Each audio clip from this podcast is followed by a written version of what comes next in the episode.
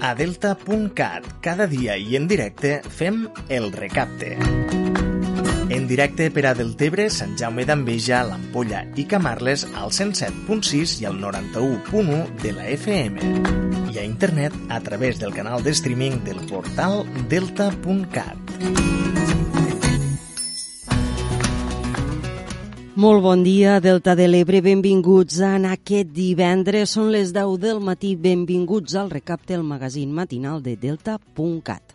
Arribem al final d'esta setmana i avui, 17 de febrer, com cada dia i en directe, ens podeu escoltar a través dels dials de la 107.6 i la 91.1 de la FM i també a través d'internet a la web delta.cat. Ara, quan venia cap a la ràdio per a preparar el programa, m'he trobat que estaven ja instal·lant la escultura hiperrealista de l'artista plàstica Cristina Jobs de Deltebre.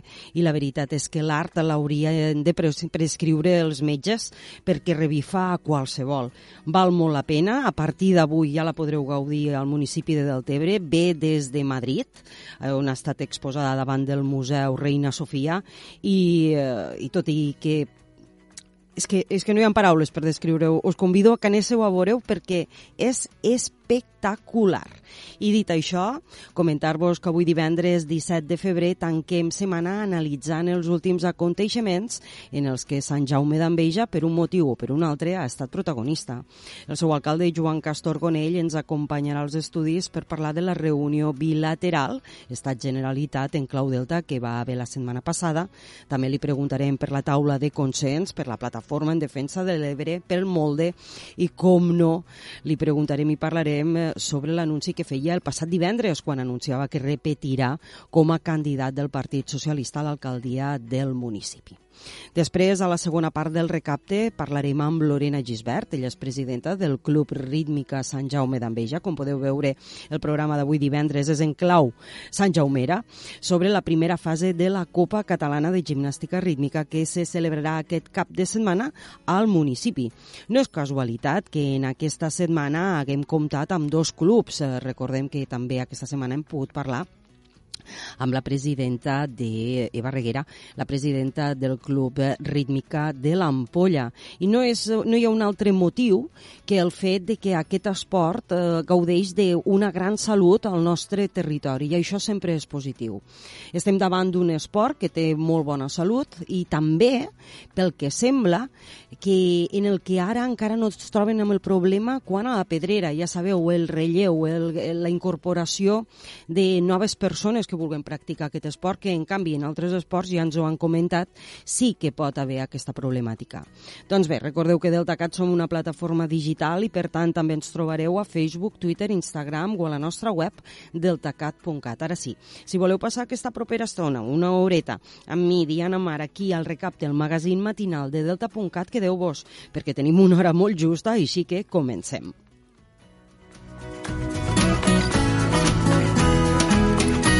El recapte per a la gent del Delta amb Diana Mar. I comencem amb la dentellada que m'agrada dir-li al repàs de l'actualitat de proximitat.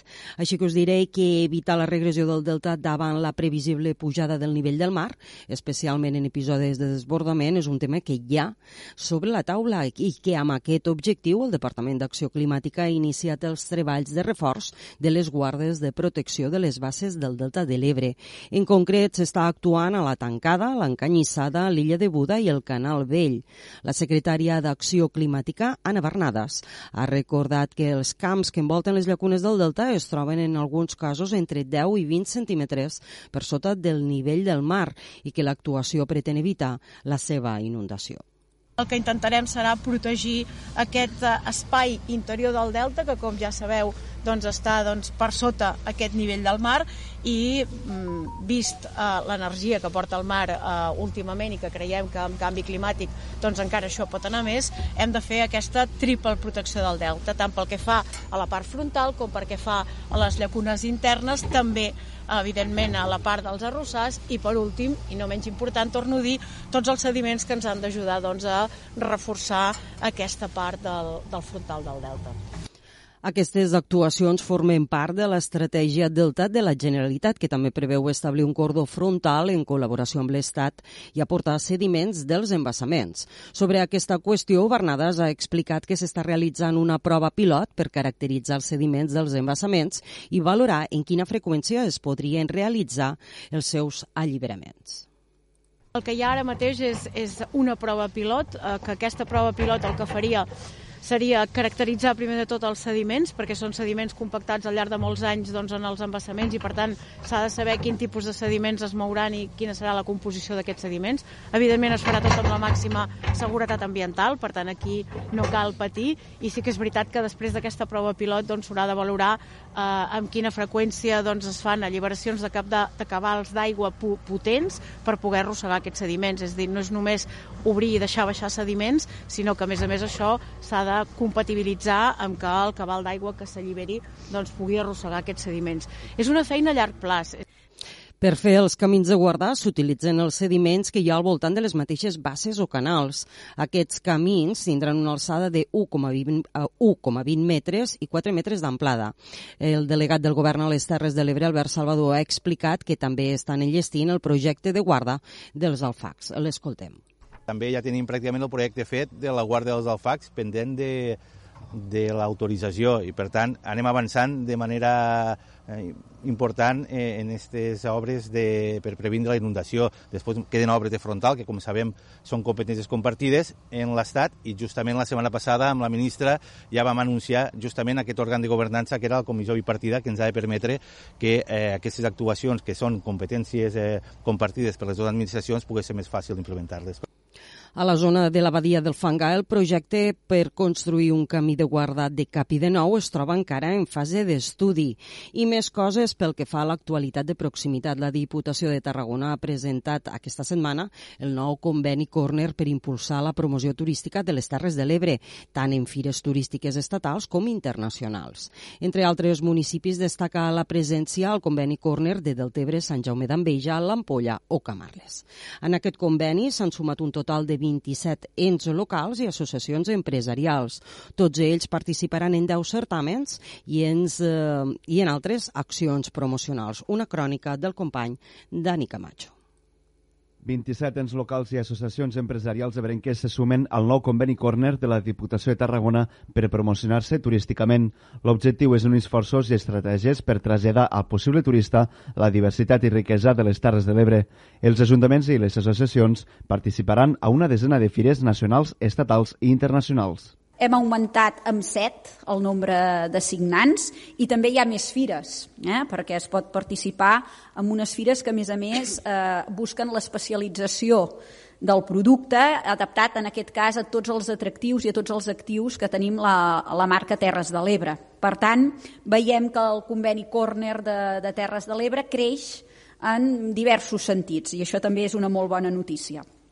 Per tant, un objectiu destacar també aquesta pressió que exercirem eh, constant sobre el mercat català i espanyol, el mercat de més proximitat. Sabeu que la pandèmia per a nosaltres va ser una oportunitat i hem de continuar reforçant aquesta aposta que hem fet també des del territori pel nostre, pel nostre territori de Terres de l'Ebre.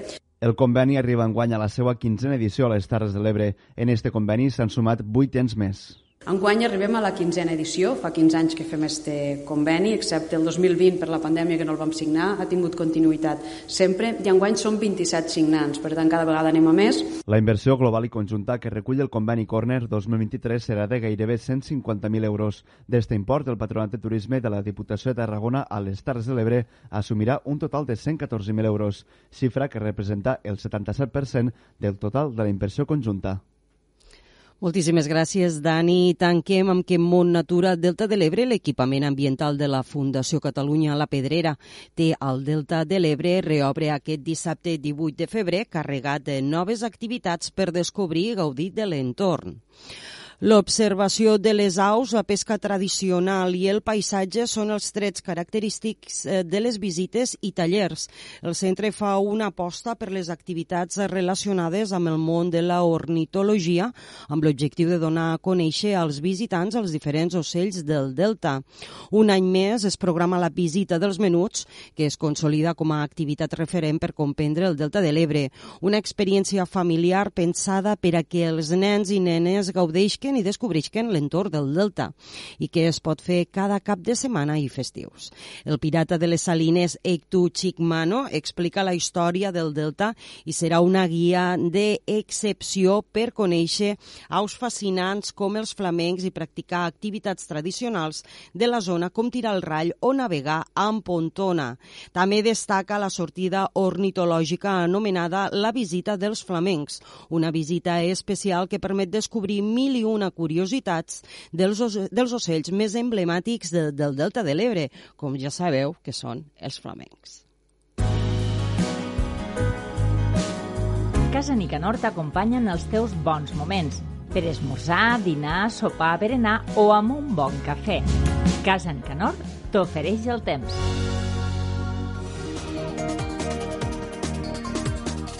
Molt bé, i després del repàs a la proximitat, a l'actualitat de proximitat, anem a veure què ens diuen els nostres companys dels serveis meteorològics de Catalunya respecte a les temperatures que tindrem en el dia d'avui al Delta i a la resta del nostre territori. Bon dia, companys. Hola, molt bon dia. Esperem pocs canvis en la situació meteorològica. Per tant, avui divendres el temps continuarà dominat eh, pel sol arreu del país, també aquí les comarques de les Terres de l'Ebre, amb poca nuvolositat, també durant el cap de setmana. Per tant, cap de setmana de Carnaval marcat pel temps eh, tranquil i amb temperatures al centre de la jornada força altes. Fins i tot encara podran pujar una mica més de cara a la jornada de demà dissabte, valors que al centre del dia podrien arribar fins als 18 o els 19 graus. Això és tot de moment des del Servei Meteorològic de Catalunya. El temps amb els bons moments de Casa Nicanor.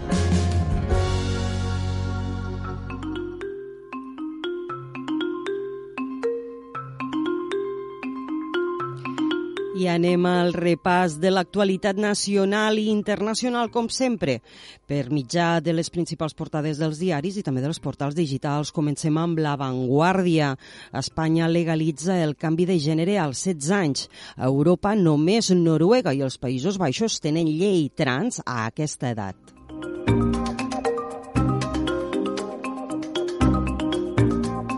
I un altre titular també de La Vanguardia, Biden diu que no busca una guerra freda amb la Xina, però evita disculpar-se.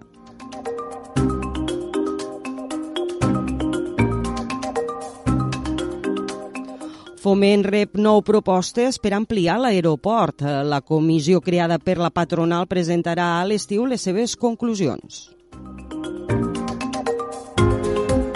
Aquí ens trobem, eh, sense anar més lluny, un titular que dius, vale, i l'aeroport, l'aeroport d'on? Del Prat.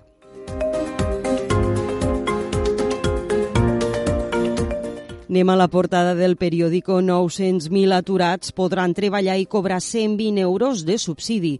El govern central última la reforma del CEPE per incentivar els aturats a trobar feina.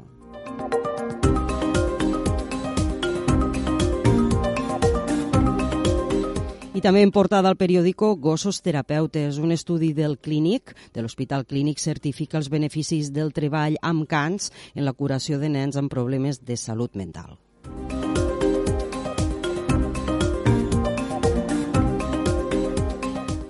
I Sánchez reclama, reclama a Europa per l'autonomia estratègica.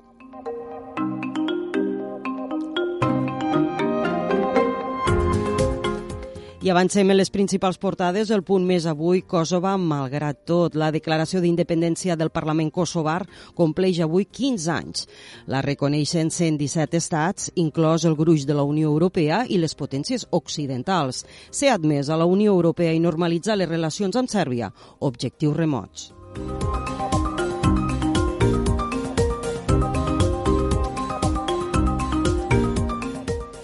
I l'Assemblea Nacional Catalana en perill d'implosió. La direcció intenta reconduir la crisi al secretariat i evitar la marxa del sector crític amb Dolors Feliu.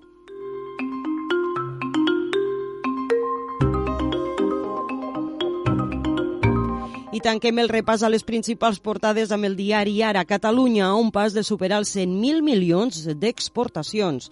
El 2022 les vendes a l'estranger van pujar 94.927 milions d'euros, un 17,9% més que l'any anterior.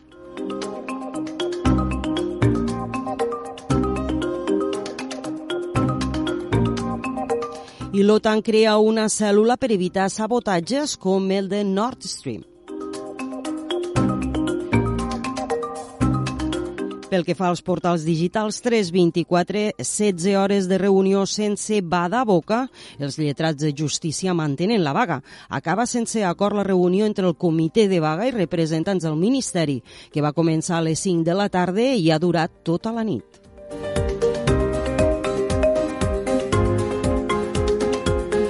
I un altre titular també del 324, falten professors. Educació es planteja flexibilitzar els requisits per fer de substitut.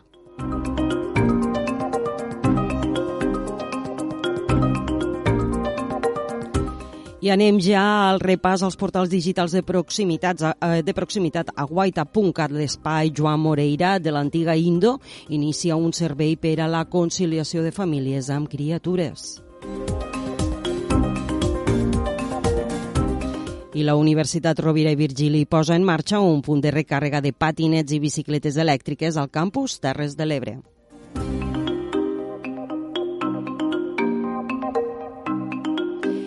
Tanquem el repàs als portals digitals de proximitat amb un titular d'Imagina Ràdio, la ràpida protagonista de Moles, el primer senzill de Planeta Nou.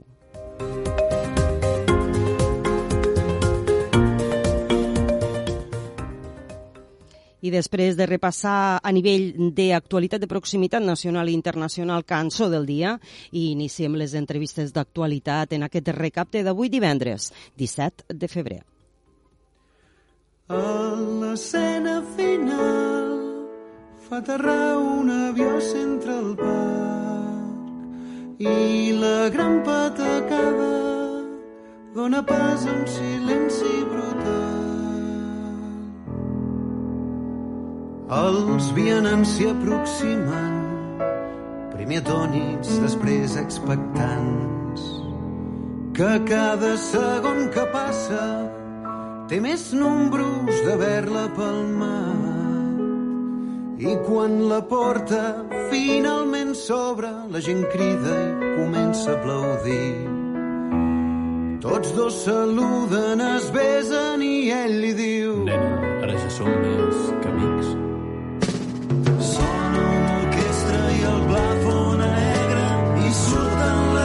Les lletres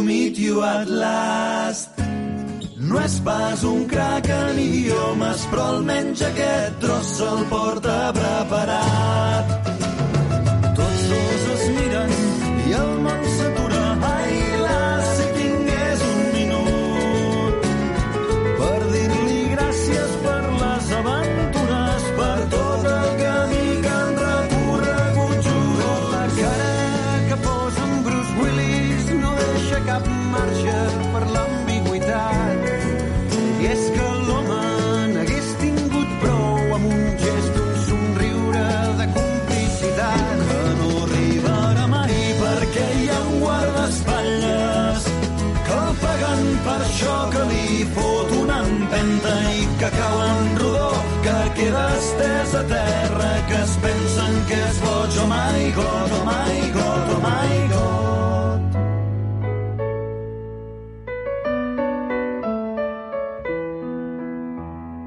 L'home que doble amb Bruce Willis de fora al cinema sent la seva veu.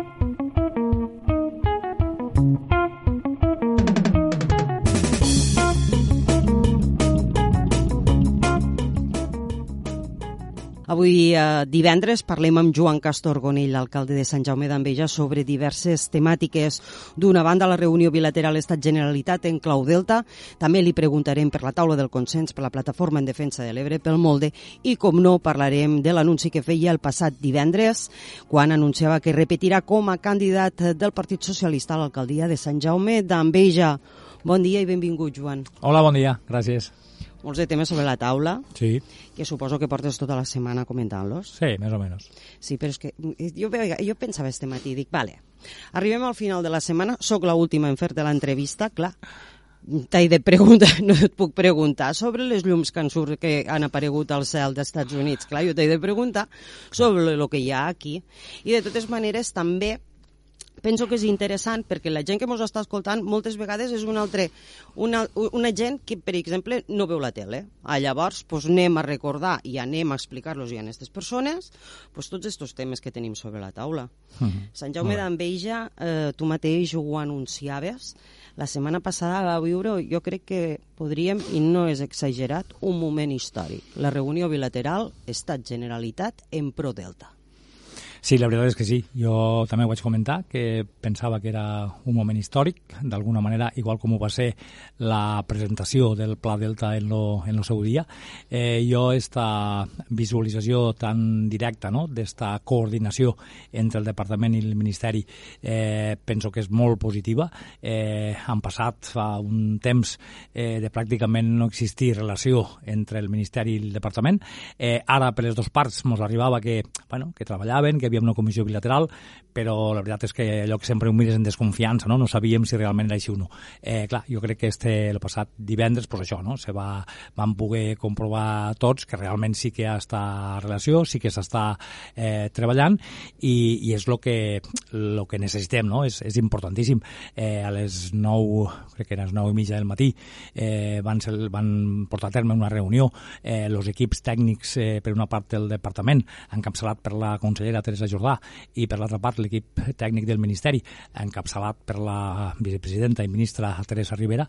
Clar, no sabem allà dins, perquè hi ha una reunió entre ells, evidentment, Mhm. no sabem com va anar, però bueno, després en la taula pues, ja vam poder comprovar eh, pues, una mica la, la, la situació en què estava tot. Sí que és cert, i vull aprofitar ara en aquest moment, si no ho comentaríem després, però penso que també és important, Mhm, i així li ho van fer saber també a la, tant a la ministra com a la consellera, que la taula de consens del primer dia que demana que esta comissió bila- bilateral sigui a tres bandes, sigui el Ministeri, sigui la, la Generalitat i sigui la taula, perquè evidentment eh, tots han de ser conscients de que si un pla de protecció s'ha de poder portar a terme ha de ser en, la, en el consens mínim del territori, si no acabarà sent doncs, aquells plans que es queden al calaix i no es poden portar a terme per, per oposició o per, eh, per no acceptació del territori, no? i això pot passar i n'han de ser conscients. Per tant, nosaltres des de la taula ja fa temps que, reclamem esta comissió a tres, a tres bandes i bueno, mm, se va tornar a plantejar una vegada més i va haure per això l'acceptació eh, tant per part de la consellera com per part de la ministra, inclús la ministra va, verbalitzar que la propera que es fes el primer punt de l'ordre del dia ja seria incorporació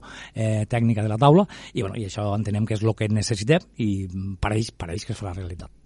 Sembla que es farà realitat, i és veritat, perquè quan se va dur... A, no, i és veritat el que, lo que dies ara, de que potser sí que van prendre nota definitiva que era molt important que la gent territori i fos present en, aquest, en aquestes meses de treball.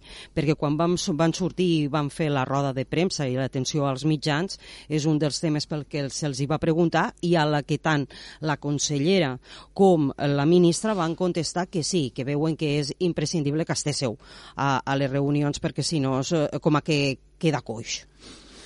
Sí, sí, això és el que vam verbalitzar i després una altra de les coses que ja ho havíem posat damunt de la taula, la taula de consens, Sí. diverses vegades, i l última, si no recordo malament, anterior a esta, va ser el secretari d'Estat, també a, a Sant Jaume d'Enveja, Mhm. a on, a més d'això, també li vam demanar que bueno, la primera versió, per dir-ho així, que ells ja van dir que era una, un tema molt inicial i que volien recollir observacions i tal del pla de protecció, eh, bueno, em vam enterar com tothom quan se va publicar, no? Uh -huh. I el que també vam demanar, tant a la ministra com a la consellera, és que esta vegada, eh, a part de la participació tècnica, pues això, abans de, de publicar este pla de protecció definitiu, que, que es pugui parlar en la taula en tota la seva eh, plenitud eh, per això, per si alguna coseta que calgui consensuar, que calgui matisar, que calgui retocar eh, una mica en, en, en esta intenció, no? de que al final pues, sigui un pla viable, eh, consensuat o acceptat majoritàriament pel territori, ojalà el percentatge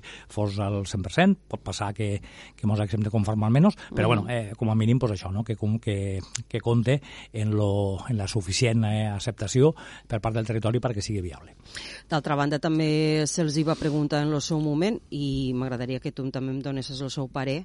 En aquesta reunió se'ls va preguntar el fet de que potser ja anàvem una miqueta tard, que està molt bé que treballéssim en reunions i, i meses, però que mm, eh, ja està ja d'estudis de, i de treball sobre la taula ja n'hi ha, el, el, el, el fet de poder aplicar el model neerlandès és una realitat que heu anat allà, que heu vist que funciona, que la taula de consens la defensa al 100%, i ens vam trobar que tant la ministra com pot ser la consellera, no tan obertament, però la ministra sí, va manifestar que, el, vaiga, que pel model neerland, dels Països Baixos va passar així per sobre, no, ni s'hi va aturar, i d'altra banda que els tempos, els tempos a veure, corren una miqueta en contra.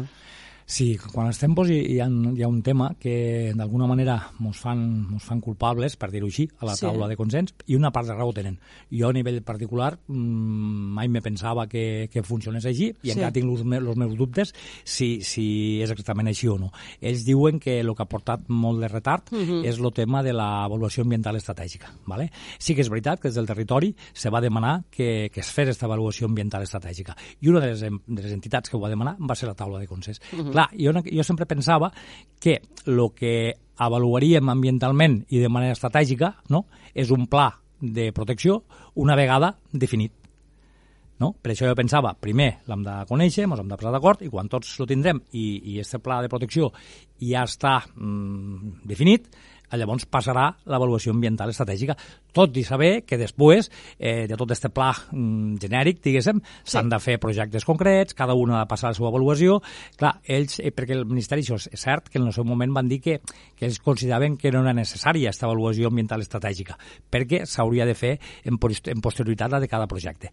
Eh, és cert que hi havia altres grups, que altres veus que diuen que sí que era necessària, i llavors, bueno, una mica per seguretat, per no trobar-nos després en temes judicials que ens poguessin impedir el tema, vam dir, pues, bueno, és important que estigui l'avaluació ambiental estratègica. Però ja dic, nosaltres sempre pensàvem, o jo per almenys en aquest cas, mm. que aquesta avaluació se faria una vegada el pla eh, definit del tot. Eh, ells el que fan llavors és començar en aquesta avaluació ambiental estratègica i és el que entenc jo que la ministra més o menys anuncia que en properes setmanes o mesos eh, estirà aquesta avaluació ambiental estratègica acabada. Anunciava, Rivera anunciava això i també anunciava la inversió de 30 milions d'euros en els pròxims anys. Hmm. Sí, sí, clar. Eh, bueno, eh, anem per parts. Vull dir, si, si en poc temps ha d'estar l'avaluació ambiental estratègica feta, eh, després s'haurà de fer el que tots sabem les administracions que es té que fer. s'han de fer projectes eh, de cada actuació, s'han de tindre les partides pressupostàries eh, corresponents per a, per a portar-los a terme i s'hauran de passar l'avaluació ambiental de cada un d'aquests projectes. Eh, clar, eh, bueno, pues, eh, tots, jo eh, en aquest dia també no sé en qui ho comentàvem, dic, bueno, dic, estem ja encetant, no?, o a pocs eh, mesos que hem encetat lo el 2023 mm -hmm. i jo si el 2024 se pogués portar a terme alguna, alguna actuació, se pogués començar a portar a terme, i a quasi em donaria per, per satisfet, perquè bueno, eh, les coses, eh, les administracions eh, costen, vull dir, l'administració és lenta, vull dir, projectes, eh, exposicions públiques, pressupostos, eh, eh, és lent. Eh, però bueno, mm, clar, eh, el que també es posa una mica de manifest és que la pressa, eh, ja dic jo, això em va passar, ho he comentat moltes vegades, també em va passar a mi quan vaig entrar a l'Ajuntament, que jo Sí. pensava que correria com jo voldria i no, té que la no. seva marxa. Vale. Però clar, també vull posar damunt de la taula això, no? que la pressa que nosaltres portem, que vivim aquí, que sabem el que ens pot passar o el que ens va passar en el temporal Glòria, el que pot passar en un temporal pues, eh, paregut, igual o, o superior, pues nosaltres insistim i portem pressa i voldríem que i, bueno, eh, la pressa d'ells pues, possiblement sigui, sigui una altra.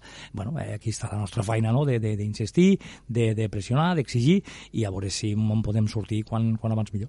Clar, és que a veure, ara en tot el que m'explicaves me venien coses, com per exemple comentava el Molde, el tema de, dels tempos marcat per una urgència, cosa que per a ells, per al Ministeri, o inclús parlaríem de la Conselleria, per a Catalunya, potser no és una prioritat, però per aquí sí que ho és. I després també és inevitable que quan estaves comentant tot això, clar, estem parlant del que es ve del Pla de Protecció Delta. Estem parlant de que fa dos dies eh, entràveu al Penta 2. Home, hagués pogut... Ara tu, eh, amb això seran 20 anys eh, com a alcalde. Hagués sigut una mica, potser, mm, pot, mm, potser per justícia divina tenies que tornar-te a presentar ara, perquè ara que venen coses tan importants, diràs que no presentar-te és com, després de tants anys, dir ara que hi ha tant de moviment i tanta història, ara me retiro.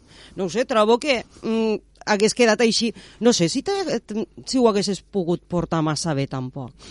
No, possiblement no. El que passa és que, a veure, també hem de pensar que eh, projectes importants o situacions importants eh, n'hi ha sempre. Però tant? Bueno, unes en un estat, les altres en un altre, potser tant, com que diu, o nosaltres volem veure així, eh, a punt de materialitzar-se, potser no, no? Però la feina, al final, al- a l'Ajuntament, eh, jo sempre ho dic, sí que és veritat que la ciutadania, i cada vegada més la gent jove, eh, vol viure el dia a dia, no? I és el dia a dia que ens hem d'esforçar molt a que sigui molt ben portat, que, que sigui quasi perfecte, que sigui gust de la majoria de la ciutadania, però, però no podem deixar de pensar en el futur i anar preparant eh, coses per a, pel dia de demà, perquè al final, eh, pues això, eh, tindre idees importants, eh, que aquestes idees es transformen en projectes, que aquests projectes eh, aconseguisquen finançament, pues això costa, costa molt, per tant has de previndre en molt, en molt de temps. I justament sí, ara, a part d'estos que tu comentaves, pues n'hi ha, ha d'altres que, que sí, clar, és un moment on eh, jo penso que, que en poc temps, se, po- en pocs anys, se podran materialitzar molts de projectes importants i altres que estem fent a nivell, a nivell local, que ja no, no depenen tant d'altres Mhm. administracions, el tema serà aconseguir el finançament, però bueno, eh, també estan, no? I sí, és un moment, jo penso que, l'altre dia ho comentava, importantíssim per a, pel futur de, de, de Sant Jaume. Que això tampoc no que evidentment és, és important, però d'alguna manera jo ho enfoco al revés. A mi m'hagués agradat, no pas perquè ja són 20 anys, perquè Mhm. ja penso que la manera de veure les coses eh, meua eh, a la dels companys regidors que, que he tingut, sobretot aquesta última legislatura, eh, hi, ha bastanta, hi ha bastanta diferència. Ells eh, són molt més actius, són molt, tenen molta més formació, tenen moltes més, moltes més coses que entenc que és molt positiu per al poble. Clar, jo sempre pensava, i així ho he intentat anar treballant, que aquesta legislatura, que ara s'acaba, pues, hagués sortit o haguéssim pogut fer ja possible eh, mm, algun, fer el relleu, vaja, per dir-ho per Mhm. dir de manera clara. Clar, doncs no ha sigut així. Clar, ja vaig dir-ho també als companys de, del partit que, que ens esforcéssim en aquest tema, que era important, que eren 20 anys, que, que, bueno, que al final, pues, això, no? només per pesat, pues, la, la gent ens deixarà de votar i ja està. I, i ho, hem de, ho hem de fer ben fet, no? I, clar, no ha sigut possible, pues, bueno, ja vaig dir que, que anar-me'n i deixar, eh, deixar-ho en blanc tampoc no ho faria, Mhm. i possiblement aquí també m'influeix això, no? Este moment que estem vivint ara, doncs potser és el menys adequat per dir, escolta, l'única manera de fer-ho possible és dir jo me'n vaig i ja us apanyareu. Evidentment, en un moment així no, no ho faria. bueno, veurem esta propera legislatura, com surt tot, la gent com pensa, i si podem preparar alguna cosa en el tema del, del relleu. És que d'alguna manera també, eh, això des de fora, eh? però d'alguna manera el fet de que et mantinguis en, eh, en aquests propers quatre anys també estaria molt bé de cara a preparar justament el relleu, perquè imagina't que hi hagués hagut relleu en, en tot el percal que s'hagués trobat. Sí, clar, potser sí, vull dir, el moment... Eh, No era un moment de no calma, moment sinó que hi ha un moment- Sí, és, Sí, sí, és possible també, clar, sí, sí, hi ha coses eh, importants, temes eh, delicats, que, que suposo que pues, l'experiència ajuda també a gestionar millor i a, i a fer-ho possible.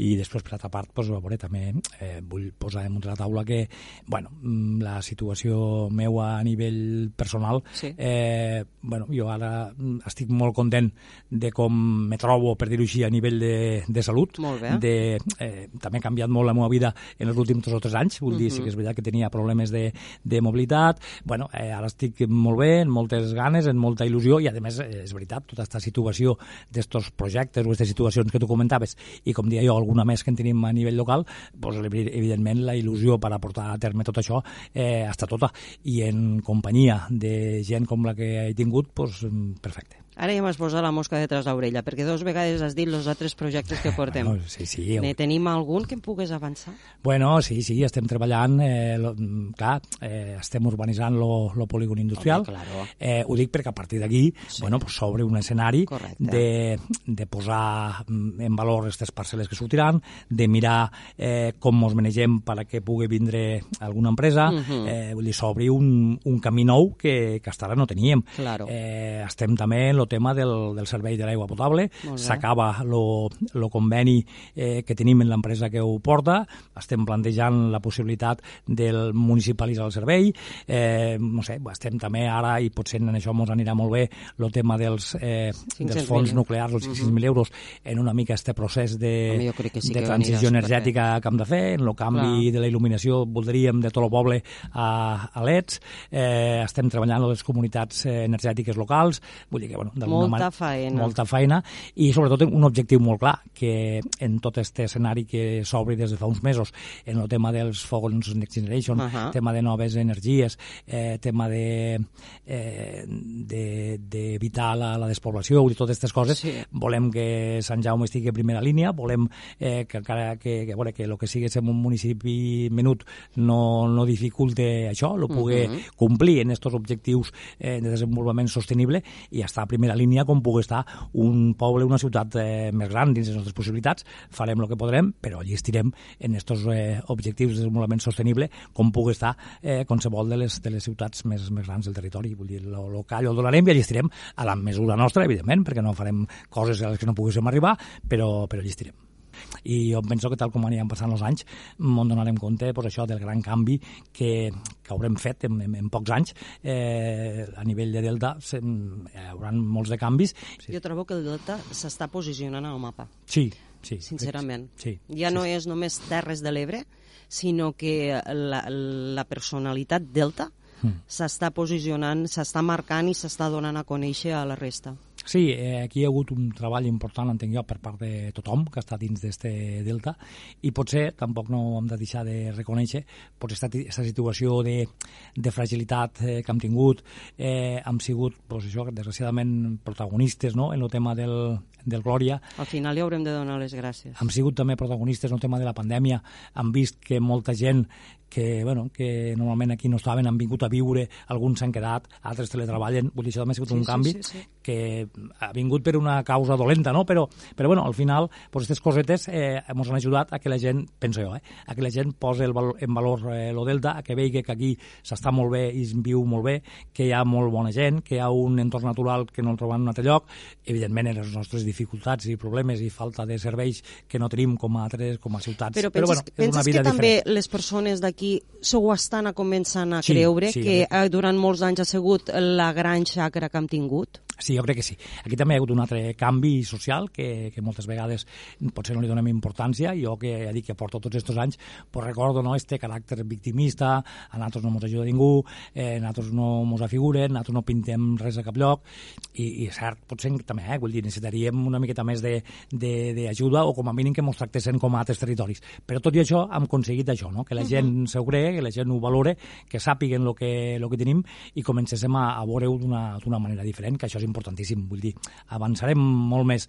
Tinguéssim la, més ajuda o menys eh, o, o la mateixa, però si nosaltres ens ho creem i treballem i apostem pel nostre territori, evidentment els èxits seran diferents. Joan, jo sabia que aquesta entrevista d'avui se menjaria al programa perquè els temes eren eh, força importants i no puc deixar de fer-te una pregunta i en això tanquem l'entrevista i és que, a veure, parlaves de lo passador i lo passador va ser el punt mm. de trobada de la manifestació on van participar més de 2.000 persones organitzada per la PDE en defensa del Delta de l'Ebre. Vas estar-hi? Sí. Sí no vaig, vaig comentar, no vaig poder perquè tenia un tema familiar eh, com des de l'inici, però sí que me vaig incorporar, bueno, eh, vaig poder estar per lo menos que al moment de, dels parlaments, a l'arribada de, la, de tota la ciutadania allí a la, a la mobilització, a la, a la part aquí de, de Deltebre, i bueno, vaig poder veure pues, això, la, la gent que hi havia, vaig poder escoltar els parlaments, bueno, sí, vaig poder fer-me una idea una miqueta de tot. Cronologia i, eh, i feines eh, a realitzar concretades. Era una de les coses que es demanava uh, que demanava la plataforma en defensa de l'EPRE. Quan vas escoltar el manifest, sí. t'hi vas sentir eh, identificat amb la causa? Sí, sí, sí, és, lo que, és lo que, una de les coses que, bueno, possiblement no davant d'un micro, però he anat comentant estos dies. No? Jo penso que allí pues, se, va, se va elegir un manifest al que possiblement eh, jo diria que, que el 100% de, de la gent que hi havia lliure, inclús que el poguessin escoltar des de fora, eh, estaríem d'acord. No? Lo tema ve, el problema ve quan fora del manifest eh, pues fem declaracions, fem manifestacions, diem realment potser el que pensem, eh, fem entrevistes, vull dir, aquí venen los, venen los, los problemes. No? Explica'm. No, això que vaig comentar també, que bueno, jo penso que esta vegada eh, allò que que sembla que les administracions, eh, els polítics, més d'un nivell o de l'altre, eh, acabem sent culpables de tot, perquè resulta que no anem a una, que cada un per la seva, per la seva part. bueno, jo crec que també es va posar de manifest això, no? de que eh, el moviment social jo penso que és importantíssim sempre. No entraré en que si la mobilització d'este passat diumenge eh, era el moment adequat o no, però penso que la pressió social eh, és bona sempre. Evidentment s'ha d'administrar bé. Hi ha uns moments claus que té més efectes que un altre, això, això és evident, però, però és, sempre, és sempre important.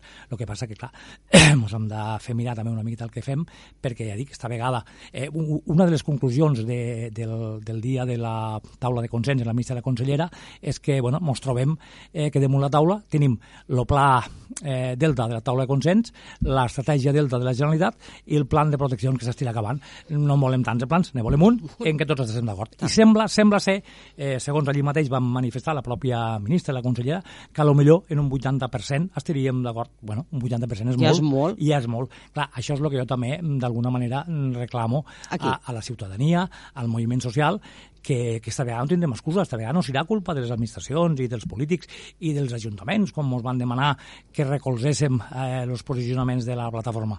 Els ajuntaments, els set del Delta, eh, formem la taula de consens. de consens i la plataforma, per exemple, la PDE no es va voler adherir a la taula de consens perquè diu que no està d'acord en tot el que vol fer la taula. Haurem de parlar clar, tots, i haurem de dir que estem d'acord i en que no, i així potser aconseguirem anar una, si no malament. Doncs Joan, com sempre, un plaer tenir-te al programa. Moltíssimes gràcies. A tu, Diana, gràcies.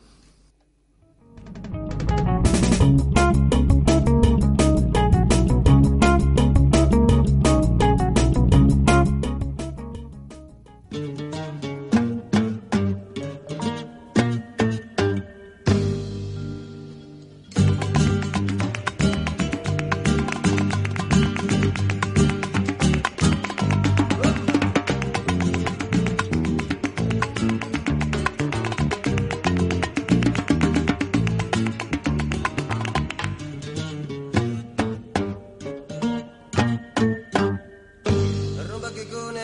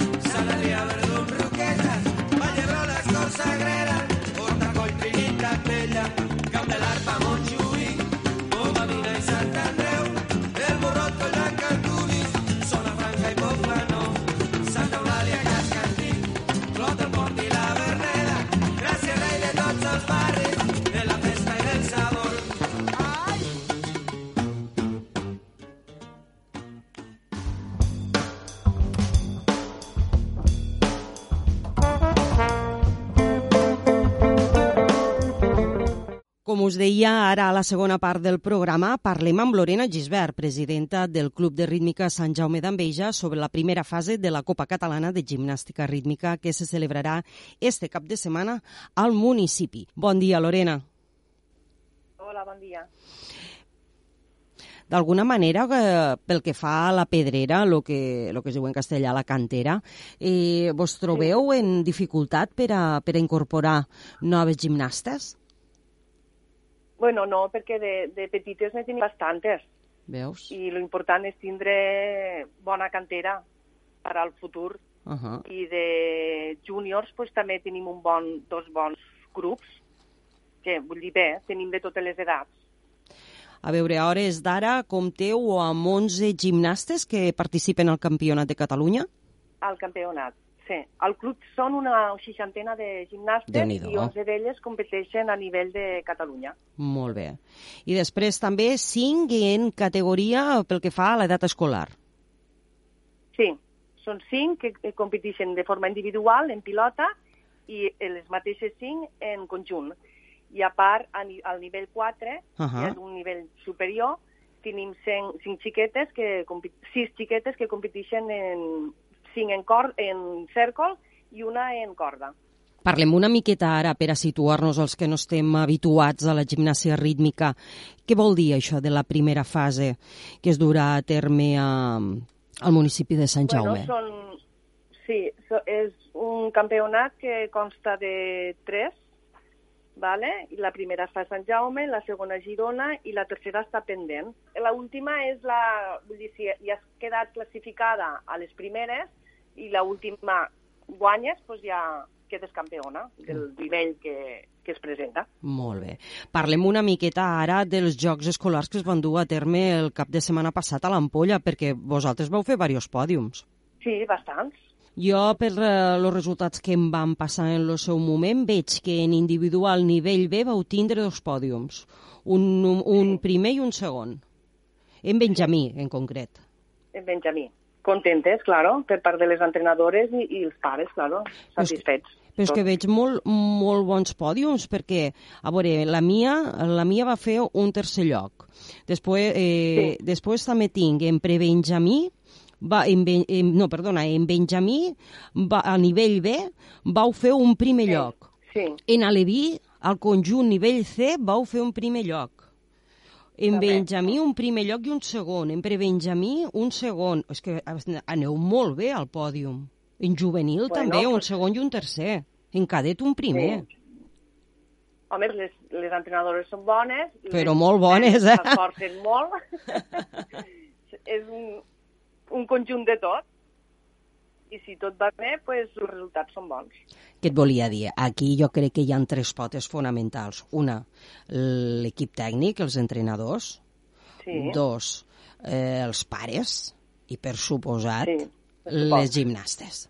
Claro, claro, per supost. És, eh, ja et dic que és un... que és, entre, to, entre tots pues, fem lo possible perquè tot surti bé.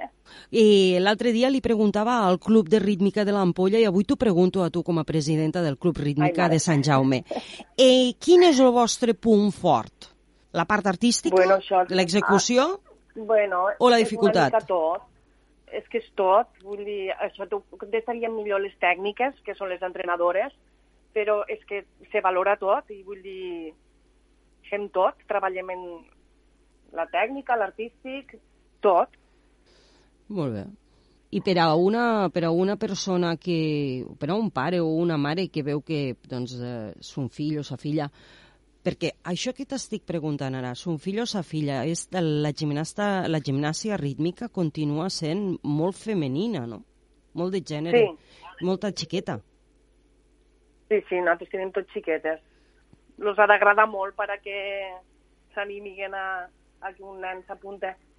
Eh, això eh, hasta el moment. Jo crec que també és una de les coses que Bueno, a veure començarà a canviar. Ens agradaria tindre algun xiquet, però Vosaltres que competiu arreu eh, fora, de, fora del territori, veieu competir a, a xiquets?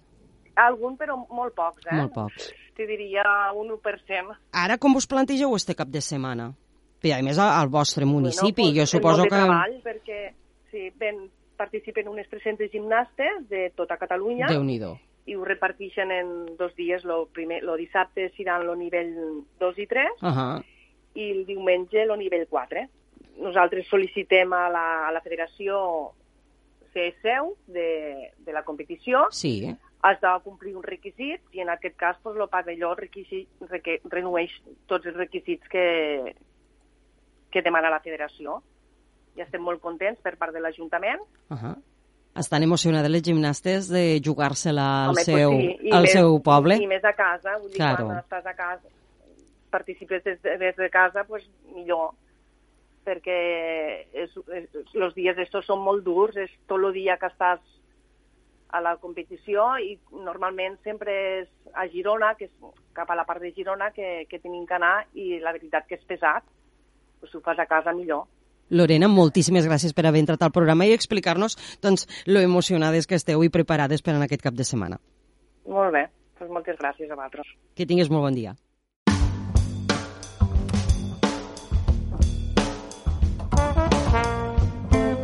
Bé, i fins aquí el recapte d'aquest eh, divendres, eh, 17 de febrer. Nosaltres tornem el dilluns amb més actualitat del Delta i de la resta de territori. Com sempre, que passeu molt bon cap de setmana.